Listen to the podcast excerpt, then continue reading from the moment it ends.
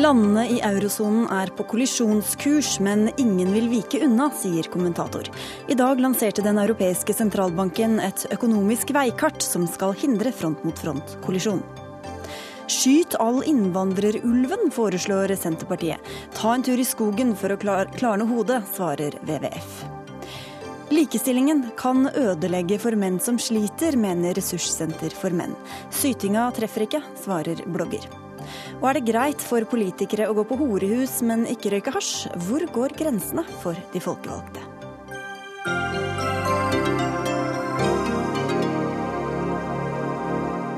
Spør Dagsnytt 18 på P2 og NRK2 i dag med Sigrid Solund i studio. I ettermiddag lanserte den europeiske sentralbanksjefen Mario Draghi planen sin for hvordan eurosonen skal reddes fra full kollaps. Det var ventet at Draghi ville bruke både pisk og gulrot på skakkjørte euroland.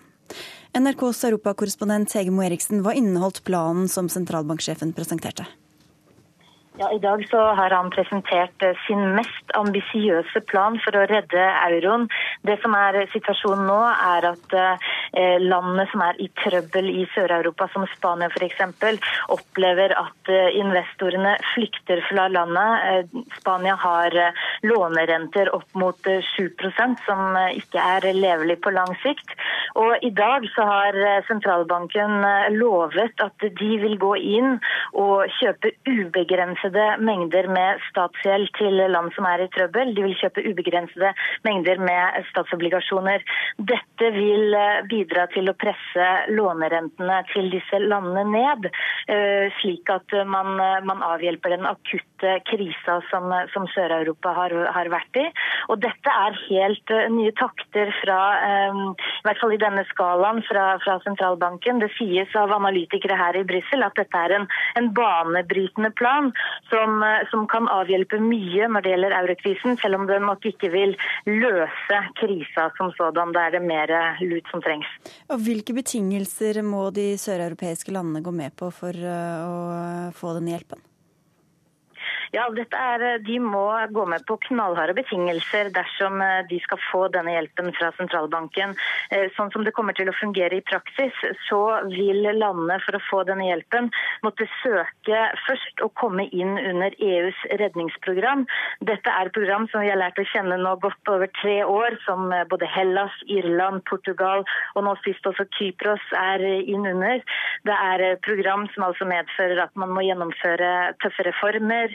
Eh, på arbeidsmarkedet, på, på pensjonssida. Eh, det er et program som innebærer at man må ha en streng budsjettdisiplin, eh, gjennomføre tøffe kutt. Og dette er altså betingelsene. At land må søke om å komme inn under dette først, før de altså kan få hjelp fra sentralbanken. Men hvem blir sittende igjen med regninga da? Ja, det, det, nå er det, jo, altså det er jo sentralbanken som, eh, som, tar en risiko her. Mange sier jo at faren blir at eh, regnskapet til sentralbanken, de røde tallene i boka til banken, vil etter hvert se stygge ut dersom landene eh, ikke opp ikke innfrir, dersom ikke de, de, eh, opprettholder betingelsene og dersom ikke de får økonomien på fote. Men uh, på en annen side så er det mange analytikere som sier her i Brussel at man må, var nødt til å gjøre noe. Man var nødt til å gi et signal til markedene om at man var villig til å stå last og brast med euroen. Og det er nok så langt som sentralbanken kan gå, det de har gjort i dag. Hva har reaksjonene på planen vært? Ja, Så langt så har det vært eh, veldig positive reaksjoner. Eh, mange sier at dette er banebrytende, at dette er et eh, skritt i riktig retning. Men det som også mange påpeker, er jo at ballen nå spilles over til regjeringene, til statslederne, som må gjøre sin del av jobben. De må gjøre de tiltakene som er nødvendige for å få europeisk økonomi på fote igjen. De må gjennomføre de tingene som de har satt seg i fore. Fordi dersom ikke man klarer å uh, gjenopprette eh, økonomien i eurosonen. Dersom man ikke får den på fote igjen, så vil jo heller ikke tilliten til eurosonen bli bedre. Slik at ballen er nå spilt over til statslederne. Hegemo Eriksen, takk for at du var med i Dagsnytt 18.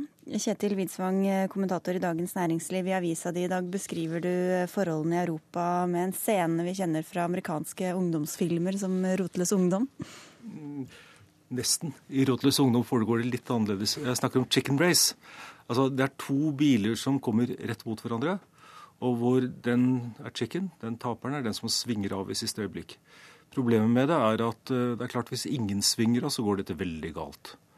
Og hvis du ser Europa i dag da med én bil, Angela Merkel og kanskje en finsk kartleser, som da har sin egen oppskrift for å løse problemene i Europa, det er at eh, de andre uansvarlige søreuropeiske landene må ta seg sammen. I den andre bilen så sitter det en gjeng med ja, søreuropeiske statsledere som sier at Tyskland må betale for dette her. Og begge har et problem, fordi at uh, det er klart for disse søreuropeerne Så hvis de ikke vil være med på innstramningene som tyskerne vil ha, så går det aldeles galt. altså Da går de konkurs, og da får de det veldig ille. Men så sier de det skjer også med tyskerne. Altså Hvis vi går nedenom, så drar vi med Tyskland i dragsuget. Og uh, da går det ille med oss andre. Og derfor tror de, eller håper de, at tyskerne vil bøye av og betale. Ja, ut fra det som skjedde i dag, hvem ser ut til å svinge? Nei, eh, eh, det ser ut i dag som eh, det bruker å se ut i EU. Altså EU har hatt kriser i jevnt og trutt i 60 år. Og de bruker å ender med at man ender opp med et sånt kompromiss hvor ingen egentlig liker det som er kommet ut, ingen av partene. Og så finner man bestandig opp en ny forkortelse for det nye prosjektet man har. I dag var det OMT, som jeg ikke husker hva heter, fordi at det tok mindre enn en halvtime før eh, kvikke hoder hadde, hadde brukt den forkortelsen til on my tab, altså på min regning, og tillagt det Agna Merkel. Ja, Karin Karen Helene Ultveit Moe, professor i økonomi ved Universitetet i Oslo. Eh, det koster mye penger å kjøpe disse obligasjonene. Hvor, hvor kommer pengene fra? Ja, jeg har lyst til bare å, å og fortsette på Kjedes resonnement med at det er en, en, ett møte til og en krise til. Men det skal samtidig sies at det er den måten EU og eurosonen jo har vokst på. Har vokst gjennom kriser, og gjennom kriser så er det blitt tettere integrasjon. Og gjennom kriser så har det også blitt et uh, en velfungerende region sammenlignet med mange andre regioner i verden. Så det er ikke noe krise med litt kriser? Nei, altså krise som Man vokser på kriser. Jeg tror både mennesker og land vokser på kriser. Og man øh, vokser på kriser bl.a. fordi man tvinges til å jo få gjennomført reformer som ellers ikke er politisk mulig å få gjennom. Og det er klart at du spurte om det er dyrt. Ja det, er klart, ja, det kan bli dyrt. Men det det jo først og fremst handler om, er jo også å signalisere til finansmarkedene at vi har tenkt å beholde euroen. Dere kan spenne så mye dere vil, men vi nå, nå, nå, kjøper vi ubegrenset i annenhåndsmarked for obligasjoner. Det vil si at de er akkurat innenfor mandatet sitt, det som Den europeiske sentralbanken har lov til, uten at de da formelt sett da trykker penger. Eh, og det kan da eh, bidra til å roe ned situasjonen og gi politikerne et pusterom. For det er jo en ting er at det går dårlig i Sør-Europa, men samtidig, når man i tillegg får dette spillet mellom nasjonalstaten og finansmarkedene, som vi jo har sett de siste par årene, så er det et ikke vakkert syn, og det er ikke konstruktivt. Det kom frem at det var ett av landene som stemte imot i dag. Du har mistanke om hvem det var?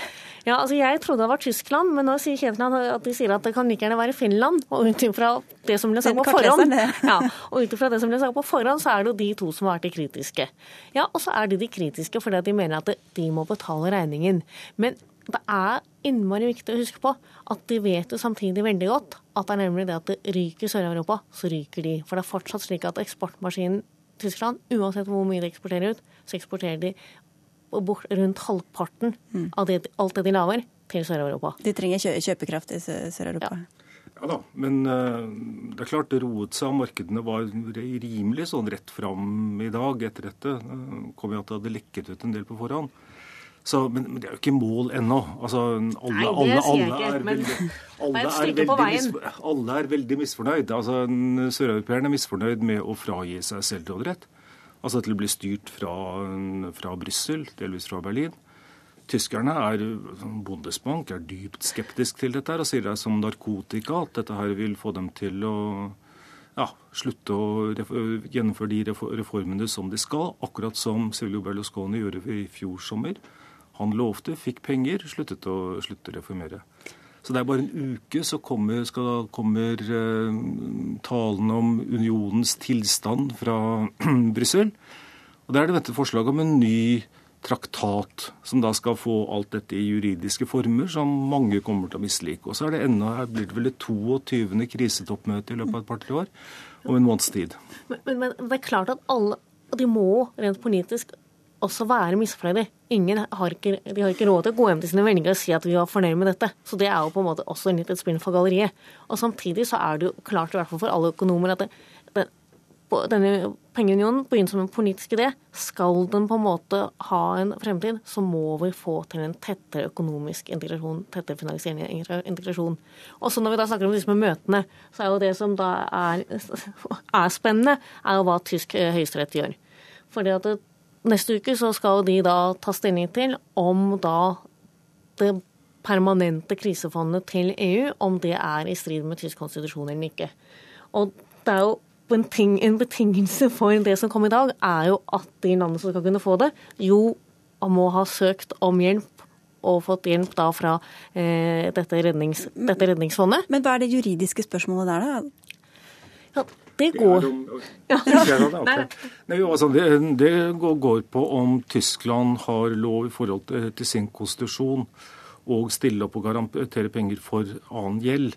Jeg, altså, andre, andre, lands gjeld. Ja, andre lands gjeld. Unnskyld.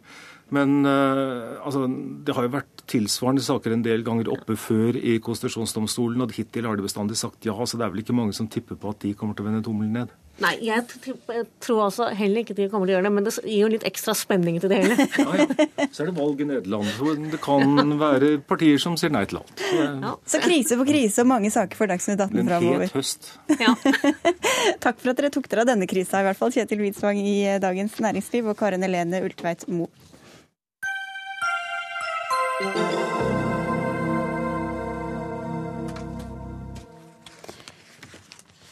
Ulven i Norge går dystre tider i møte, i hvert fall dersom Senterpartiet får det som det vil. Dyrene har vært fredet siden 1973, men nå foreslår partiet fri jakt på ulven. Med dette og nylige utspill om oljeboring på Nordpolen og forslag om boligbygging i Marka, har De Grønne fått naturvernerne til å se rødt. Men for å begynne med det første, generalsekretær i naturvernorganisasjonen WWF, Nina Jensen. Hva, hva tenkte du da du hørte forslaget om å gjøre ulven til fritt vilt? Jeg må si at jeg faktisk ble overrasket. Eh, selv for Senterpartiet så er dette hakket drøyt. Eh, og det er rett og slett vanskelig å ta et sånt forslag eh, seriøst. Ulven er en like naturlig del av norsk natur som furu, villaks og rein. Og vi har hatt masse ulv i Norge tidligere år, hundrevis av år tilbake. Og at vi da har gjort en solid innsats for å utrydde ulven på 50- og 60-tallet, er altså ikke en unnskyldning for å nå sette i gang storstilt utrydding i moderne tid. Vi er kommet litt lenger enn det. Men hva får det å si for uh, ulvebestanden dersom Norge skal skyte sin andel, for å si det sånn? Altså Dette dreier seg om grunnleggende verdisyn i forhold til det å ta vare på natur uh, og de omgivelsene som vi uh, omgir oss med. Det er ikke slik at vi bare kan kvitte oss med den naturen som vi syns er litt plagsom. Vi forventer altså at det skal være rovdyr i resten av verden. Vi forventer tigre i India eh, og løver i Afrika. Og at Norge da ikke kan klare å ta vare på 25 ulv, som vi har her i Norge, det blir rett og slett litt pinlig. Pinlig, Sandra Borch. Du er leder i Senterungdommen og sitter i programkomiteen for eh, Senterpartiet. Hva galt har ulven gjort dere? Eh, nei, Det som er hovedbudskapet vårt, er at så lenge det er en konflikt mellom mennesker og uh, ulven, og mellom uh, næringslivet og ulven, så ønsker vi å prioritere menneskene og næringslivet før ulven. Og så er det et moment som også Nina her nevner, at ulven har vært utrydda i Norge fordi at han ikke trives i Norge. I dag har vi ca. 30 ulv i Norge. og nå er det en rapport som viser at man, eh, man, skal ha 500 ulv i Norge i dag. Og For å klare det, så må man da importere denne ulven fra dyre, eh, dyreplasser i Sverige, som da er inneavla og genmanipulert for at han skal kunne leve i Norge. Det ønsker ikke Senterpartiet å bidra med, fordi at vi ønsker fokus på næringsutvikling, og vi ønsker at folk skal kunne bo i hele dette landet. Men hvis ulven hadde trivdes her og ynglet som bare det, hadde dere ønsket å ha den her da? Eh, det er jo et viktig moment at vi er ikke mot rovdyr. Vi ønsker en forsvarlig eh, rovdyr dere, hadde dere, ønsket det her hvis Ulven, det hadde vært nei, naturlig? Eh, ja, det, det blir noe annet. For det er jo sånn som Bjørn er en naturlig del av det norske, norske miljøet, samme som eh, jerv og gaupe. Det er ikke ulven. Derfor har ikke vi noe ansvar for å ta, ta vare på den i Norge. For det klarer russerne og finlenderne hvor ulven kommer ifra. Dette er jo rett og slett feil. Det er jo ikke sånn at ulven ikke trives i Norge. Det er Senterpartiet som ikke trives med å ha ulv i Norge. Og det som de har helt rett i, er at ulven er Eh, kritisk avhengig av å få eh, tilført nytt genmateriale, og det får den altså fra russiske og fra finske ulver. Og Grunnen til det er jo fordi at vi har gjort en så god jobb med å utrydde rovdyrene her i Norge, at vi da ikke lenger har den genetiske variasjonen som disse ulvene skal ha.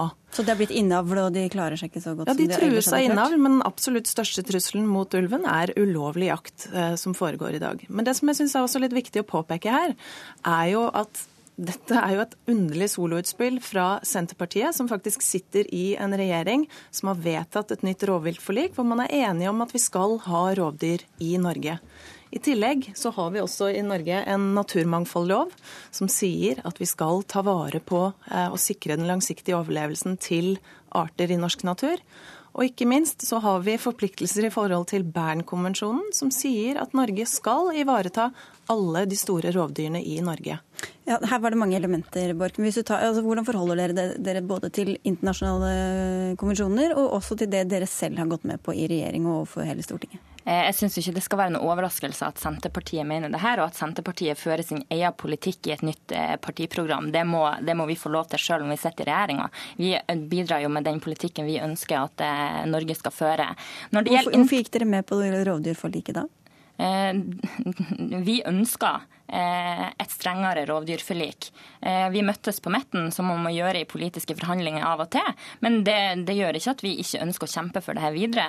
Og når det gjelder internasjonale avtaler, og du nevner Bernkonvensjonen, så er det jo faktisk slått fast i norsk rettspraksis at Norge ikke har forpliktelser isolert. Vi har forpliktelser overfor Norden og russerne i forhold til at vi skal ha en ulvebestand på 5000 ulv den, den, den Men hva syns finnene og russerne om at de må ta all ulven mens vi skal slippe, da? Russerne eh, skyter jo 15 000 eh, ulv i, i året. Eh, Men seriøst, nå må vi begynne å ha litt realisme i debatten her. Vi har 25 ulv. Det er 100 000 ulv i totalbestand. Hvis ikke vi også kan klare å ta vår del av ansvaret for å ta vare på rovdyrene i verdens natur, så har vi et alvorlig problem. Det er ikke sånn at vi kan overlate de vanskelige problemene til alle andre. Og det er plass til både rovdyr og til eh, sauenæring i Norge. Det som er viktig her, er at man finner de gode løsningene på konflikten, og sørger for at vi klarer å opprettholde begge deler. Hvilke gode løsninger er det for foreldre som frykter for eh, å slippe barna sine løs eh, i hagen f.eks.? Jeg skjønner veldig godt eh, den frykten, og den er jo skapt gjennom mange år med misinformasjon. Det er altså ikke sånn at det har vært noen angrep på mennesker i Norge. Men jeg forstår den frykten, og det er noe vi skal absolutt ta på alvor. Så det beste vi kan gjøre, er jo faktisk eh, å sørge for mer opplysning. Og sørge for å holde ulven unna de mest eh, bebodde områdene. Og selvfølgelig komme med gode konfliktdempende tiltak, sånn at vi klarer å ivareta også sauenæringen. Innledningsvis nevnte vi noen andre saker også som har fått deg til å ikke akkurat bli sånn kjempebegeistret for Senterpartiet i det siste. Hvilken, hvordan spår du utviklingen for Senterpartiet nå? Jeg syns det kan virke som Senterpartiet har gått fullstendig av eh, hengslene. Og det virker jo ikke som de heller eh, eh, er i tråd med hva velgerne sine ønsker. De går nå inn for oljeboring på Nordpolen, og de ønsker også å fjerne markagrensa. Dette er, er altså ikke god politikk, og Senterpartiet er jo da blitt sablet ned av sine regjeringspartnere på spesielt punktet om oljeboring i Nordpolen. Hvor blir det av grønnfargen deres, Borch? Grønnfargen er der absolutt. Når det gjelder oljeboring eh, på Nordpolen, som det har vært uttrykt tidligere, så er ikke det noe Senterungdommen har tatt stilling til, eller partiet. Det var et utspill fra olje- og energiministeren. Men det har en ganske mektig mann ved roret i Oljedepartementet? Jo, men samtidig så selvfølgelig må det til kunnskap og forskning før man kan kunne gjøre det. Nå, har regjeringa eh, vedtatt ei petroleumsmelding som sier at vi skal, eh, vi skal holde igjen takt på oljeutvinninga. Det gjør vi ikke i Norge i dag. Oljeutvinninga går ned. Og hvis vi skal oppfylle petroleumsmeldinga, så er jo vi nødt til å øke takten. Man må ta kunnskapen man ser i USA og Canada. Der dem. okay, men Vi kan ikke gå inn i hele den debatten, men frykter du at dere ikke lenger blir sett på som et grønt parti? altså Som noen som eh, ønsker naturvern og miljøvern? Nei, absolutt ikke. Senterpartiet ønsker eh, både en balanse, forvaltning av naturen på en forsvarlig måte, også sett med næringsinteresser. Eh, vi kan ikke legge glasslokk over hele Norge. Vi er også nødt til å bruke de ressursene vi har, fordi det er det her, det, det, det her landet får inntekter av. Det er ingen som ønsker å legge et glasslokk over Norge. Jeg tror det er viktigere at folk kommer seg ut i naturen, og det vil jeg også oppfordre Senterpartiet til å gjøre, sånn at de får litt større inspirasjon til å ta vare på den. Jeg skulle gjerne likt å se hva den grønnfargen innebærer, for det er altså ikke mye eh, igjen å spore. Og jeg syns også det er underlig eh, når man har en olje- og energiminister fra Senterpartiet som da åpenbart ikke forholder seg til verken Senterpartiets egen vedtatte politikk eller til regjeringens politikk. Og Han er selvfølgelig også invitert her gjennom flere dager, bare for å ha sagt det, uten at han har eh, ønsket å komme. Men vi får takke deg, Sandra Borch, i hvert fall for at du kom, og også til deg, Nina Jensen fra WWF.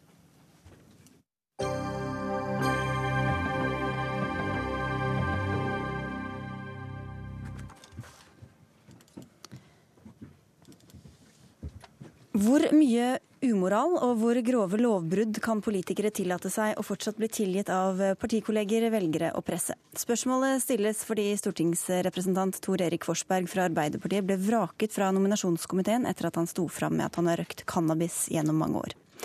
Forsberg har beklaget, men det har han ingen grunn til, skriver du i det konservative tidsskriftet Minerva, der du også er ansvarlig redaktør, Nils August Andresen. Hvorfor trenger han ikke å beklage at han har brutt loven gjennom mange år? Jeg skrev at han ikke trengte å beklage det, men han trenger ikke å beklage at han får frem noe som er et, eh, et, problem i norsk politikk. og Det er at det er blitt et mønster at reaksjonen på narkotikaforbrytelser i det offentlige er eh, sterkere enn for alle andre typer lovbrudd. De fleste andre. Så Vi har hatt en stortingsrepresentant, eh, Per Sandberg, som var dømt for råkjøring.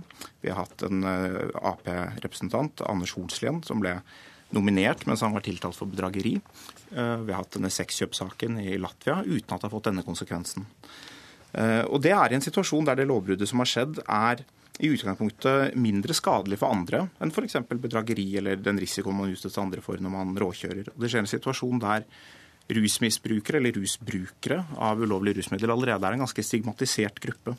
Og Det blir vanskeligere og vanskeligere å stå frem eh, eller å være ærlig når reaksjonene er så automatiske og så harde som de har vært i denne saken. Hva bunner det da, tror du? Ja, det er ikke så godt å si, men jeg har jo prøvd å spekulere litt i det. Altså, jeg tror Én ting kan kanskje være at litt ubevisst, bevisst eller ubevisst, så, så, tror jeg det kan være en slags frykt for at hvis man ikke sier at dette er veldig alvorlig, dette er helt uforenlig med å være stortingsrepresentant på en måte som bedrageri eller råkjøring ikke er, så vil folk kanskje begynne å tenke at uh, ja, kanskje han ikke har skadet noen. Hvorfor skal dette være så alvorlig. Man er redd for å få hele den debatten. Og så velger man en reaksjon hvor man slipper å ta diskusjonen. Og det er det jeg også mener man ikke bør beklage. At han har åpnet opp for en ny mulighet til å ta den diskusjonen ved at han er ærlig og åpen. Og at vi kan diskutere dette på et plan hvor vi ser at også stortingsrepresentanter, i likhet med halvparten av Oslo-bordet på, på min alder, kan røyke cannabis. Vi trenger ikke gå så langt inn i akkurat selve den saken, eh, Marie Simonsen, politisk redaktør i Dagbladet, men deler du analysen? At det noen lovbrudd eh, dømmes mildere eller hardere enn andre? Eh, det tror jeg nok er, er til en viss grad rett, og at narkotika står i en særstilling der. Men samtidig så syns jeg at man må skille mellom det, det man fordømmer, og, og det at man ikke anses som egnet til å, uh, å representere et parti på Stortinget. Altså Man kan jo godt uh, ha sympati med det han som har skjedd, og det som har skjedd, og heller ikke mene at, at det er et grovt lovbrudd, men, men at forskjellige ting gjør at du ikke er egnet til å være på Stortinget. Og det er jo som regel så er det jo Her hører det jo med at uh, norsk presse er jo faktisk ganske tilbakeholden med å gå inn i slike ting og, og private forhold. Og at man som, da, som, regel ikke får frem det hele bildet. Så det er litt sånn overskriften. Uh, det som har vært reaksjonen i denne saken, er at mange har ment at det er altfor moralsk å fordømme hasjrøyken, men kanskje det var noe mer som lå bak. Og Den moralske fordømmingen fikk dere også oppleve i Høyre, Torbjørn Risaksen. Du er stortingsrepresentant og også medredaktør i Minerva, bare for å ha sagt det. Eh, ja. Dere hadde også en representant som ikke ble gjenvalgt i forbindelse med narkotikabruk. Hvorfor skal det være så strengt? Nei, jeg tror For det første så, så er det jo sånn at vi er, alle, vi er alle syndere på en eller annen måte. Så det er jo ikke sånn at hvis du har syndet, en, så kan du ikke være i politikken. Eh, men, men det er likevel sånn at det Ta, ta min komitékollega Forsberg, da. Det han unnskylder seg for, er ikke at han har begått en feil, han unnskylder seg for det han kaller et tillitsbrudd. Eh, og jeg mener at det er viktig at det kan være plass til mennesker i politikken. og jeg mener at Du må, kan kunne gå på trynet, du kan kunne gjøre mye dumt, men fortsatt være egnet til å stille i politikken. Men samtidig så er det sånn at jeg mener det er, det er rimelig også da at velgerne skal kunne forvente litt mer av de som sitter og lager lovene i landet, enn de forventer av andre. Eh, så jeg er ikke dermed uenig i at f.eks. det er en voldsom forskjellsbehandling av ja, fyllekjøring, promillekjøring og Eh, at du har røyka cannabis f.eks. Men det er jo ikke poenget her. Poenget er jo har man rett til å forvente en litt høyere standard. Det mener jeg man har. Samtidig som man da må klare å holde to tanker i hodet og si at uh, vi kan ikke bare liksom slå hånda av alle som har gjort en småting feil. Og det må være rom for synd også i politikken. Altså, Tommelfingerregelen må jo være at lovgivere ikke kan bryte de lovene de selv, uh, selv lager. Uh, og, og, det er en altså Hvis man hadde hatt at de ikke hadde respekt for loven, så, så ville det også forvitre respekten ute i samfunnet. Og mange ganger så er det jo slik at uh, pressen skriver om dette med liv og lære, og det kan virke som litt sånn smårusk at uh, en statsråd ikke har fylt liksom byggeloven og slike ting. Men det som ofte skjer da, er jo at politikerne selv ser hva slags lover de laget. Åslaug Haga f.eks. etter denne stabburfadesen hennes, så sa hun jeg visste ikke at lovene var så vanskelig, dette må vi jo gjøre noe med. Og, og det illustrerer bare, ja, man kan ikke bare si noe for, for Det illustrerer bare det verste man kan gjøre i Norge, det er jo ikke å bruke narkotika, men det er å bruke, bryte byggeforskriftene. Mm. Det fins ingenting som er eh, mer sett ned på enn det. Det, det er sant. Men, men, eh, du snakker om liv og lære, og det, det appliserer jo ikke i tilfellet Forsberg. Han har jo vært en, en av de få stortingsrepresentantene som har vært veldig tydelig på at han ønsker narkotikapolitikkreform. Og Du snakket om at pressen var tilbakeholden, Marie Simonsen, og det, det er sant, og det er ofte bra, men det er også noe som ikke er helt bra programmet, og det er at eh, vi dermed tror at noe er veldig mye mer uvanlig enn det er. Eh, altså det, det, kan være at det var mer i denne saken. Det kan være andre saker hvor vi vet at folk kan ha røyket cannabis eller andre ting. Og egentlig hadde det vært fint å vite at det ikke er så uvanlig. Jeg vil bare si, jeg intervjuet en, en forkjemper for narkotikapolitikkreform i vår, en amerikaner som heter Ethan Nadelman. Og Han gjorde en sammenligning, det er kanskje ikke helt presis, men vi kjører den allikevel. Og det er For 40 år siden mente han, så kjente alle i Vesten en homofil. Men de visste ikke at de kjente det, for de var i skapet. Eh, og I dag så kjenner alle en homofil, og de vet at de gjør det. På samme måte så kjenner nok de aller fleste av oss ikke bare folk som har rusproblemer, men også folk som bruker ulovlige rusmidler, enten de har problemer med det eller ikke. Men, men mange av oss vet ikke at vi gjør det. Men, men, og, og det, den uærligheten er den manglende kunnskapen om hva som er realiteten, ja, tror jeg er veldig uheldig. Man kan jo ikke ha det, mene det en stortingsrepresentant fordi at de mener at, en, eh, at, det skal være lov å kjøre med promille, så kan de bare gjøre det. Altså, dette er en del av demokratiet, at man faktisk må bøye seg for de lovene som er. Det er helt legitimt å kjempe for legalisering av cannabis, men, men, men men så lenge det er forbudt, så bør ikke lovgiverne bruke cannabis. Røyseksen, dette gjelder jo deg også. Du sitter jo på Stortinget, og du i, i noen eh, relaterte artikler i Morgenbladet så har du også bekjent noen egne synder. Hva, hva, hvordan er den lista? Nei, den er, den er eh, lang, eh, og heller ikke uttømmende i Morgenbladet. Vi lurer litt på om du har røkt cannabis google, selv? Så kan, de, så kan, de, google det, de som lurer på det. Men Hva med, altså, hva med cannabis? da? Har du røkt det selv? Nei, vet du hva, Jeg svarer av prinsipp ikke på sånne spørsmål, for jeg mener at det er ikke relevant for det. Men det jeg kan si, er at jeg gjør ikke ulovlige ting, i hvert fall så godt jeg kan. Jeg har nok kjørt for fort kanskje en gang eller to mens jeg sitter på Stortinget, men jeg gjør ikke ulovlige ting mens jeg sitter på Stortinget. Eh, og, og prøver i og for seg ikke å gjøre det heller, eh, ellers heller. Men det som er hovedpoenget er at det må jo gå an å skille mellom to forskjellige debatter. For jeg er jo også en av de som da har tatt til orde for at vi trenger en annen narkotikapolitikk. Jeg har vært uenig med partiet mitt i, i det spørsmålet. Og Det er på en måte ett spørsmål, det er et politisk spørsmål. Men det andre spørsmålet er når jeg stiller til valg i Telemark, så ber jeg velgerne mine om tillit både til partiet mitt, Høyre, men også til meg som person. Og Da mener jeg at velgerne kan forvente, eh, altså de kan forvente litt mer av meg enn de forventer av andre. Jeg mener at Det er et rimelig krav til politikerne. Jeg mener at det blir parodisk hvis det er sånn, hvis det er skandale, hvis man glemmer å betale på trikken eller kjører syv kilometer for fort en gang. Men jeg mener at man har rett til å holde sine folkevalgte til en litt høyere standard. Og det mener jeg er liksom nøkkelen nøkkelen til den problemstillingen her. Da. Men Andresen, du går også litt lenger, for du snakker om en egen kompetanse det gir å ha vært gjennom ting som ikke alltid er helt i boka. Ja, altså, nå, nå, skal vi ikke overdrive forskjellene. Jeg tror Vi er alle enige om at stortingsrepresentanter ikke bør bryte loven, eh, og kanskje særlig de, at man kan forvente litt mer. Eh, det jeg har sagt, at vi, gjør noe spesielt med disse lovbruddene. Vi behandler dem ekstra strengt sammenlignet med andre lovbrudd, som jeg nevnte innledningsvis. Og det, og det er på en måte ekstra dumt, fordi du kan si, mens det er veldig lett for folk å skjønne hvorfor det er dumt å bedra folk, Eh, så kan det være ganske komplekst å forstå hva som er virkeligheten på rusfeltet. Og Derfor er det på en måte litt ekstra dumt at Stortinget blir strippet for uh, folk som, som kjenner dette feltet. Ja, men bare, bare, så det er sagt, så, så er ikke For jeg syns ikke vi skal gå inn og liksom detalj, diskutere i detalj disse to personene i Høyre og Arbeiderpartiet. Det syns jeg ikke er så på sin plass. Jeg syns vi skal si at i hvert fall Forsberg har vært modig og tøff som har stått fram. Men det er, jo, det, er da, det er, jo, da, heller ikke sånn at det bare har vært liksom bruken av at man har liksom røyka cannabis én gang som har vært problemet.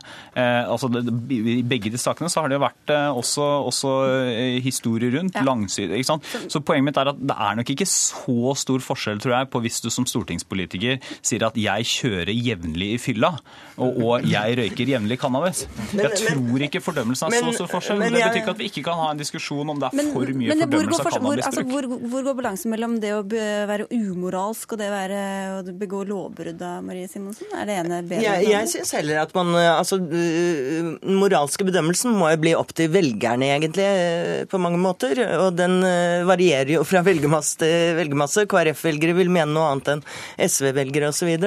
Men først og fremst er det jo kanskje snakk om om man er egnet til å gjøre jobben.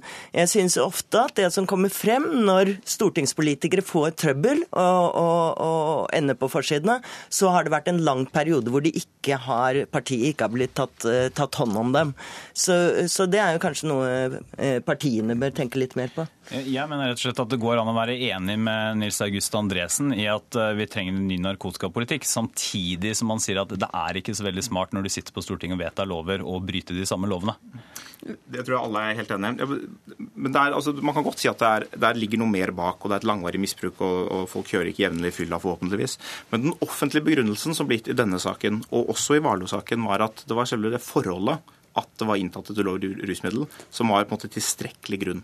Det kan hende ikke er realiteten, men det var den offentlige begrunnelsen. Men, men du, Jeg vet ikke om du er for legalisering av cannabis? Jeg er for legalisering. Og det, og det påvirker jo kanskje litt din det, det er klart at du gjør det, men også, den offentlige begrunnelsen betyr at det er jo i dag vil være helt umulig for en stortingspolitiker nå å komme og si jeg har også røyket cannabis mens jeg sitter på Stortinget, på en annen måte enn det er å si jeg har kjørt for fort, eller jeg har drukket hjemmebrent, eller den type ting. Og jeg tror at det, det skaper en løgn som ikke tjener den ruspolitiske debatten.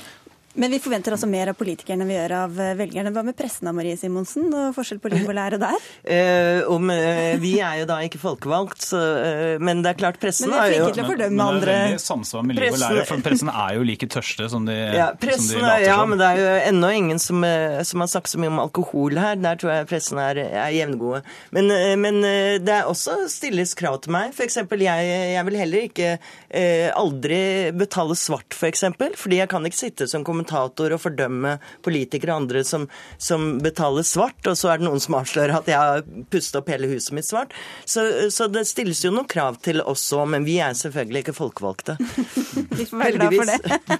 Takk skal dere ha for at dere tok turen til Dagsnytt 18, Marie Simonsen, Nils August Andresen og Torbjørn Røe Isaksen.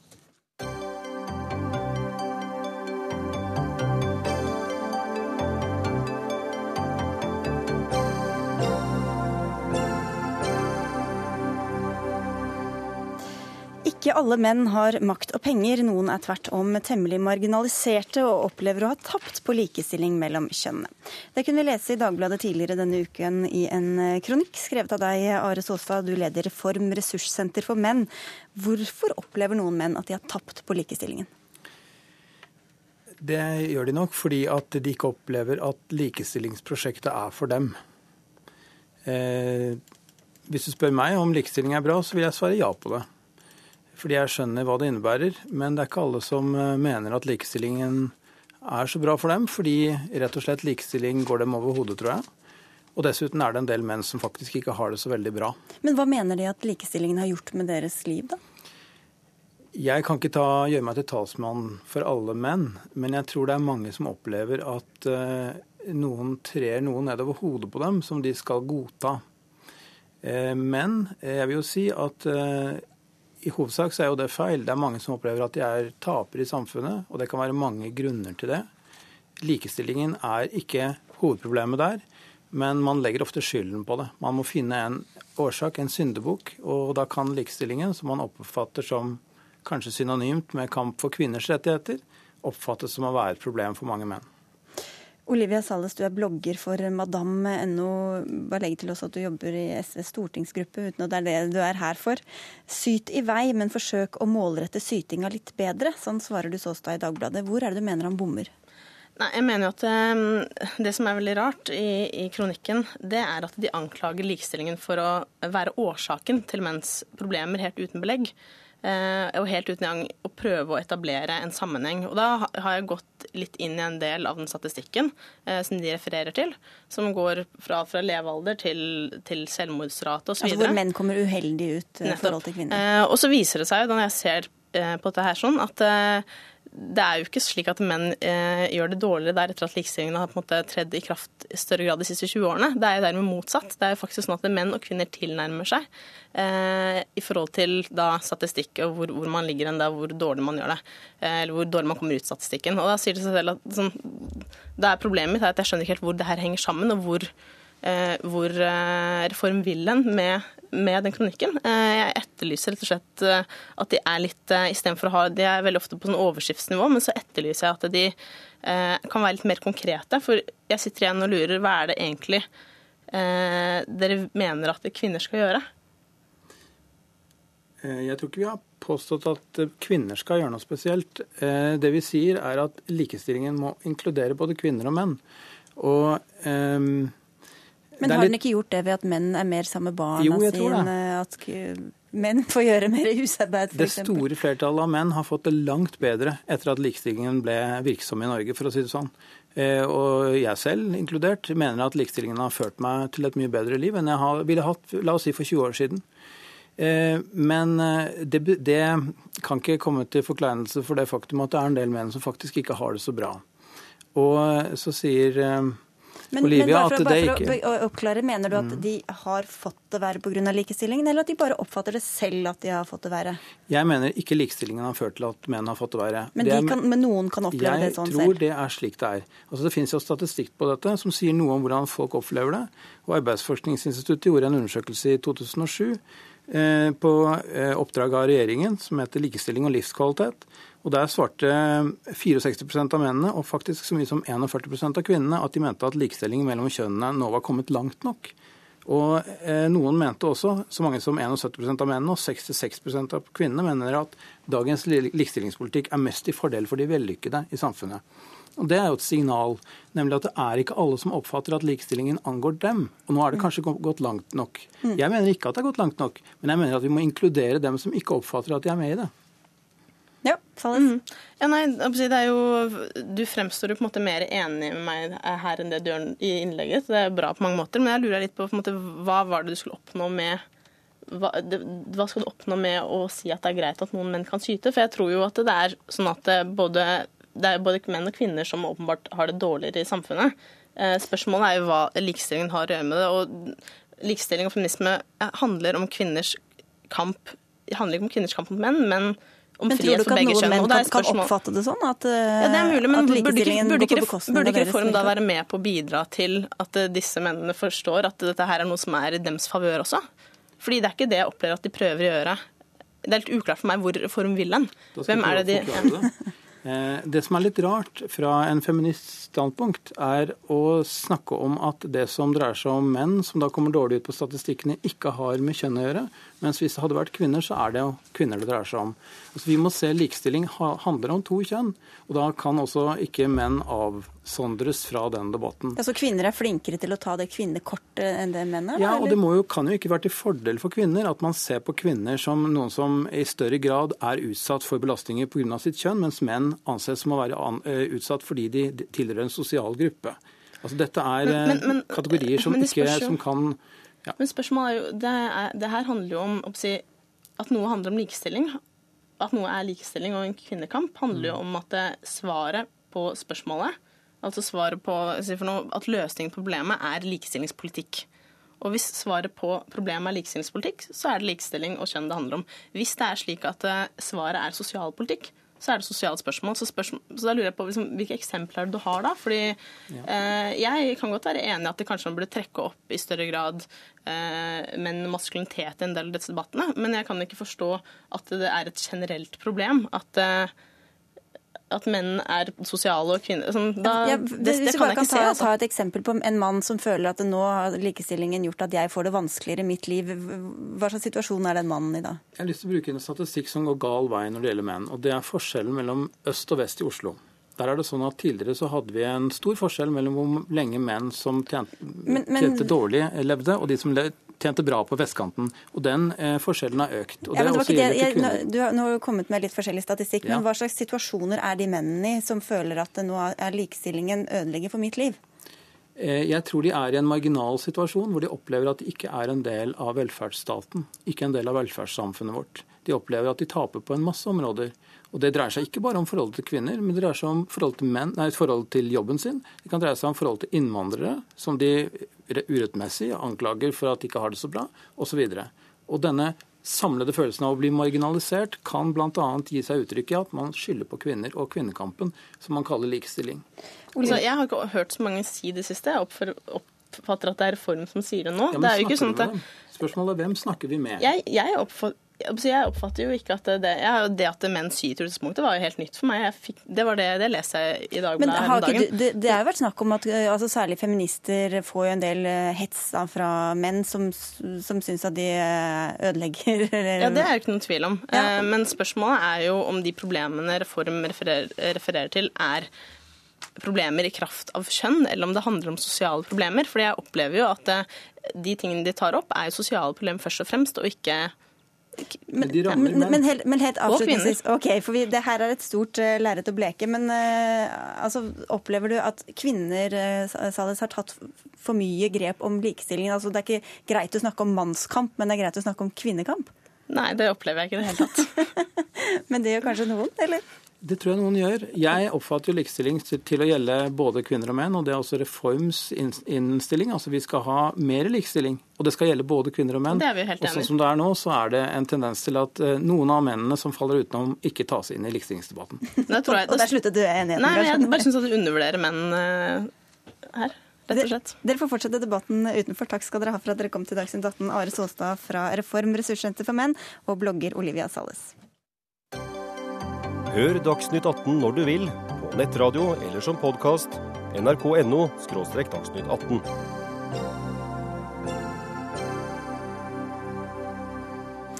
Dersom alle de som vil hjelpe ungdom og lavtlønte inn på boligmarkedet får ønskene sine oppfylt, får vi en boligboble som kommer til å sprekke. Den advarselen kunne vi lese i Dagens Næringsliv på lørdag, forfattet av deg, Erling Dockholm, forsker ved Markedshøgskolen.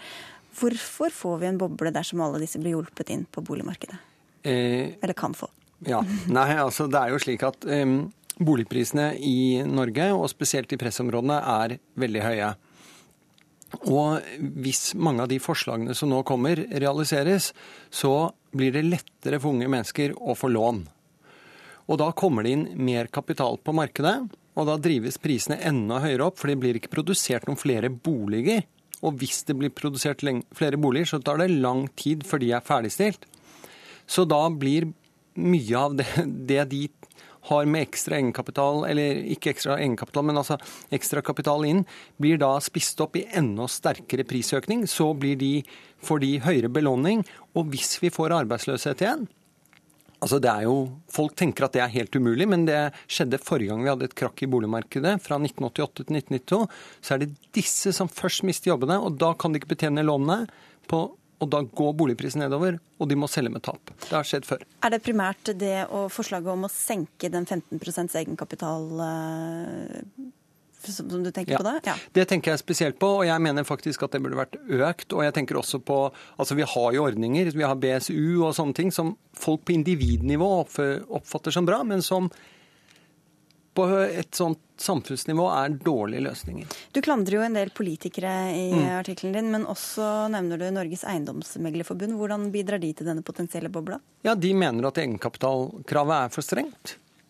Og de vil ha mer kapital inn på markedet. Og da må vi sette ordet over til dem. Ja. Styreleder i Norges Eiendomsmeglerforbund, Tormod Bollvik, du svarer på kritikken som du altså mener er feilslått. Hva er det som ikke stemmer?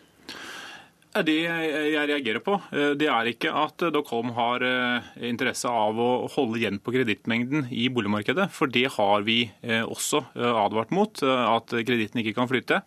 Eh, det eh, som eh, han gjør, det er at han tillegger oss den mening i artikkelen sin at vi ønsker fri kapitalflytt ut i boligmarkedet. Men vi har hele veien sagt at det er behov for en stram kredittpolitikk.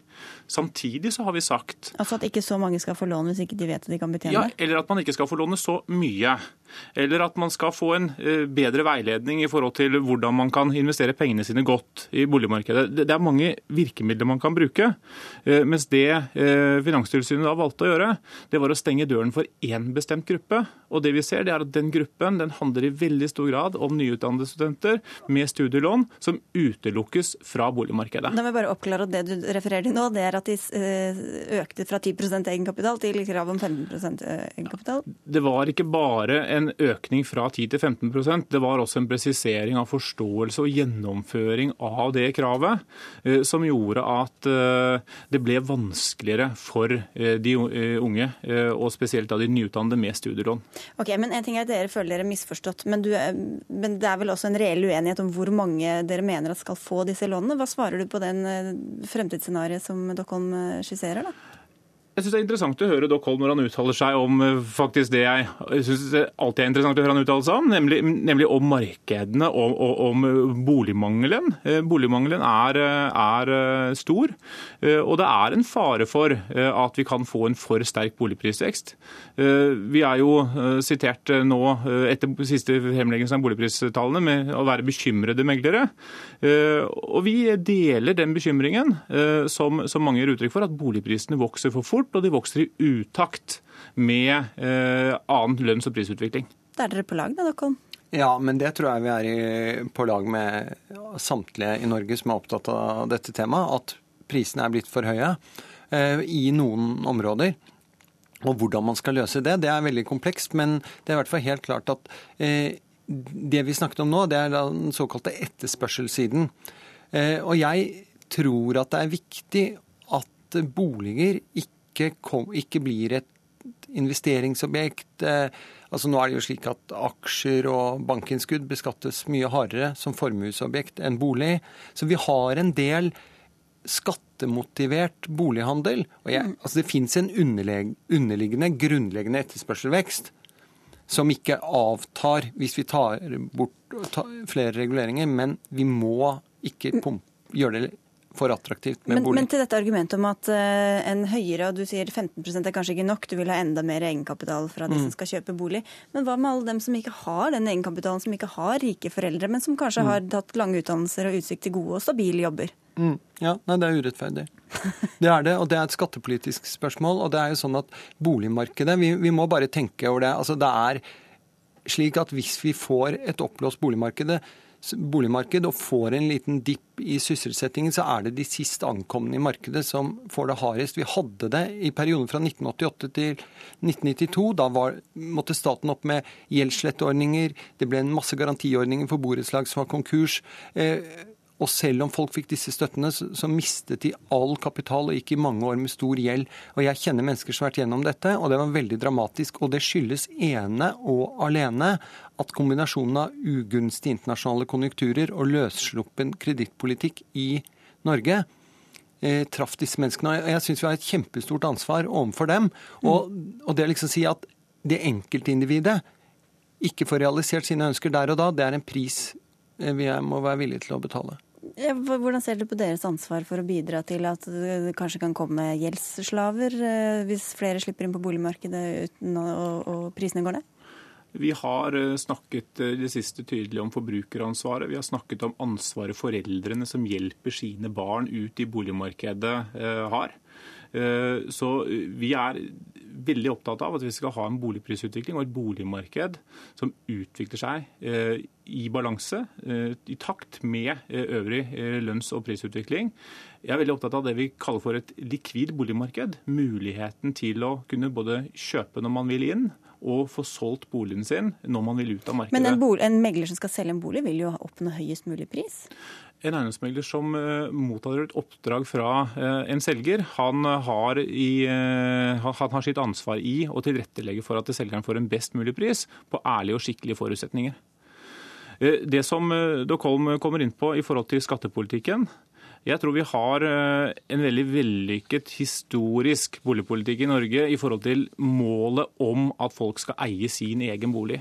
Jeg tror det bidrar til eh, stabilitet, det bidrar til velferdsutvikling. Det bidrar til at folk flest kan være med på den verdiøkningen som er i boligmarkedet.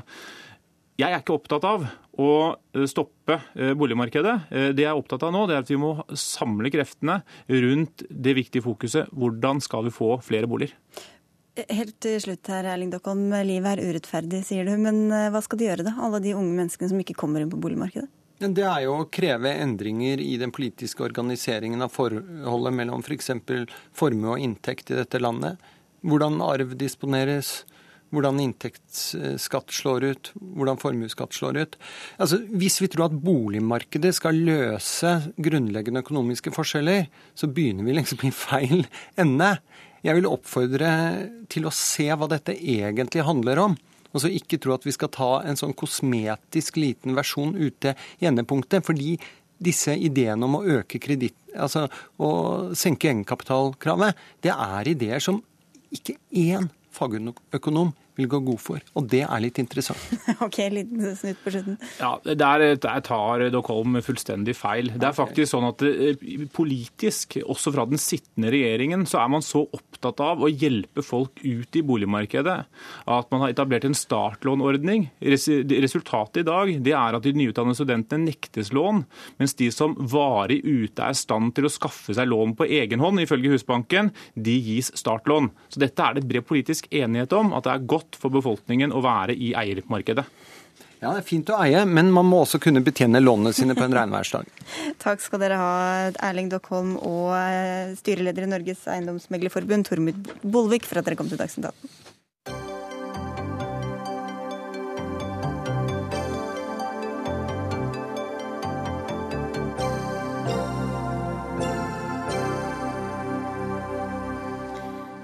Konflikten mellom opprørere og regjeringsstyrker i Sudan har sendt titusenvis av mennesker på flukt. Over 170 000 sudanere befinner seg nå i flyktningleir i Sør-Sudan, og stadig flere kommer til. Tine Hovland, sykepleier fra Leger uten grenser, du kom tilbake derfra for litt over to uker siden. Hva så du der? Ja, altså Det som møter meg eh, i leiren, er at folk bor veldig, veldig tett. Um, og at eh, vi møter mange pasienter i våre helsestrukturer. Eh, pasienter som kommer med diaré, eh, hovedsakelig, og underernæring, en økning av underernæring. Og i sykehusene våre så så ser vi òg at mange kommer for seint og, og, er så komplekse og så, så syke at de, at, de, at de, dør. Det er en veldig høy dødelighet i leiren òg. Eh, spesielt, eh, jeg kan snakke mest om den leiren jeg var sjøl, eh, og der dør eh, fem, eh, fem barn per dag. Hvilke bilder er det du sitter igjen med nå i etterkant? Ja, altså Det er veldig hardt å se barn dø. og det når du ser det over så, så mange over eh, kort tid, så føler du deg selvfølgelig hjelpeløs. Eh, fordi om du er der med absolutt alt, eh, så føler du at du ikke strekker til. Og Det er jo derfor vi har på en måte økt vår altså økt fra et lite prosjekt til å lage veldig store prosjekter rundt om eh, i disse leirene, fordi at vi ser at behovene bare øker. Og prøver å, å jobbe litt mot, eh, mot, den enorme massen av, eh, av eh, syke mennesker som kommer til oss. For Du sier i Dagsavisen i dag at det er det verste du har vært med på eh, til tross for mange kriser du har vært gjennom? Ja, altså jeg tror den, den eh, Det at det er så massivt, at det er så mange som kommer og er så svak, det, det har gjort det ekstremt, ekstremt inntrykk.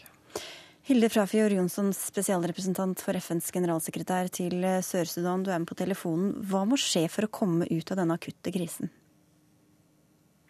Det er klart at uh, Hovedårsaken til at folk flykter, er krig. Um, og I dette tilfellet er det altså en konflikt mellom uh, opprørsgrupper uh, i de to områdene som grenser til Sør-Sudan på sudanesisk side, nemlig Blånilen og Sør-Kordofan.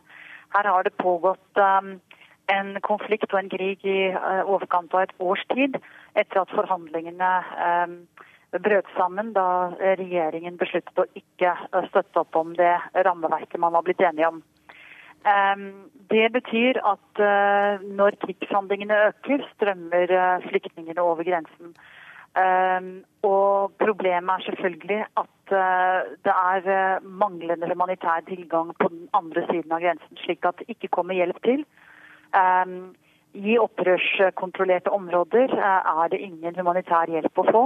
Og dermed så er eh, folks eneste mulighet å komme og flykte over grensen. Eh, det betyr at mange har vandret i dagevis før de kommer, og da er de kjempesvake. Og som eh, representanten for, for, for Leger uten grenser her sier, så er jo underernæringsnivåene veldig høye.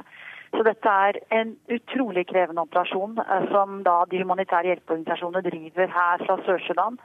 Og det er såpass tøft at vi på vår side er blitt bedt om å stille opp med logistikk og infrastrukturkapasitet, fordi er, kapasiteten er sprengt blant humanitære organisasjonene. Og det er altså FNs fredsbarnoperasjon, så vi, vi, er nødt til å stille opp i tillegg.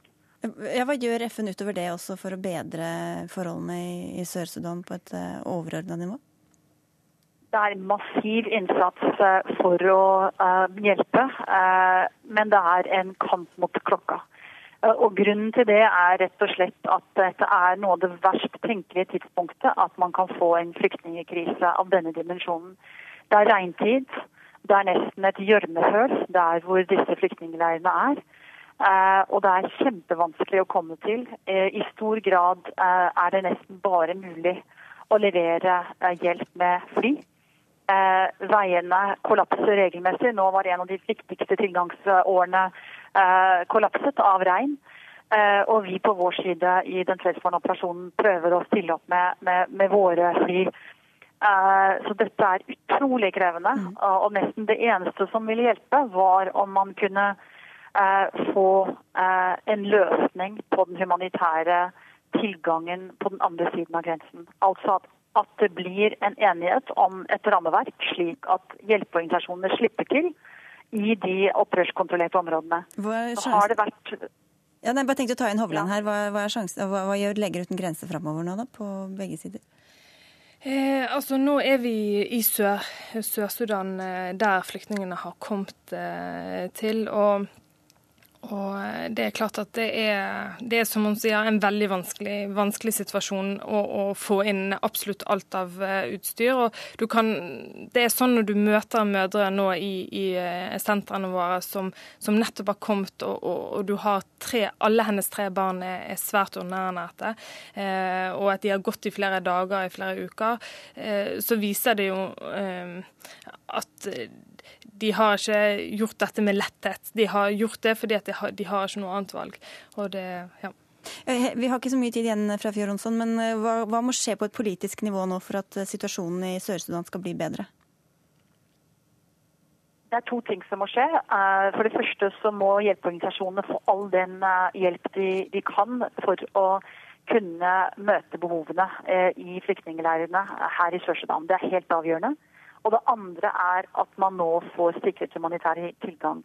Sudan har underskrevet en avtale den 5. Eh, august hvor de mener å, å gi slik tilgang.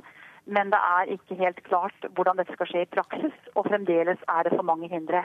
Mm. Så det må løses. Så begge ting må skje samtidig for at eh, folk nå skal kunne få den hjelpen de så desperat trenger. Takk for oppdateringen, Hilde Frafjord Jonsson i FN og Dina Hovland i eh, Leger uten grenser. Sendingen er over for i dag. Dagsnytt 18 er tilbake i morgen.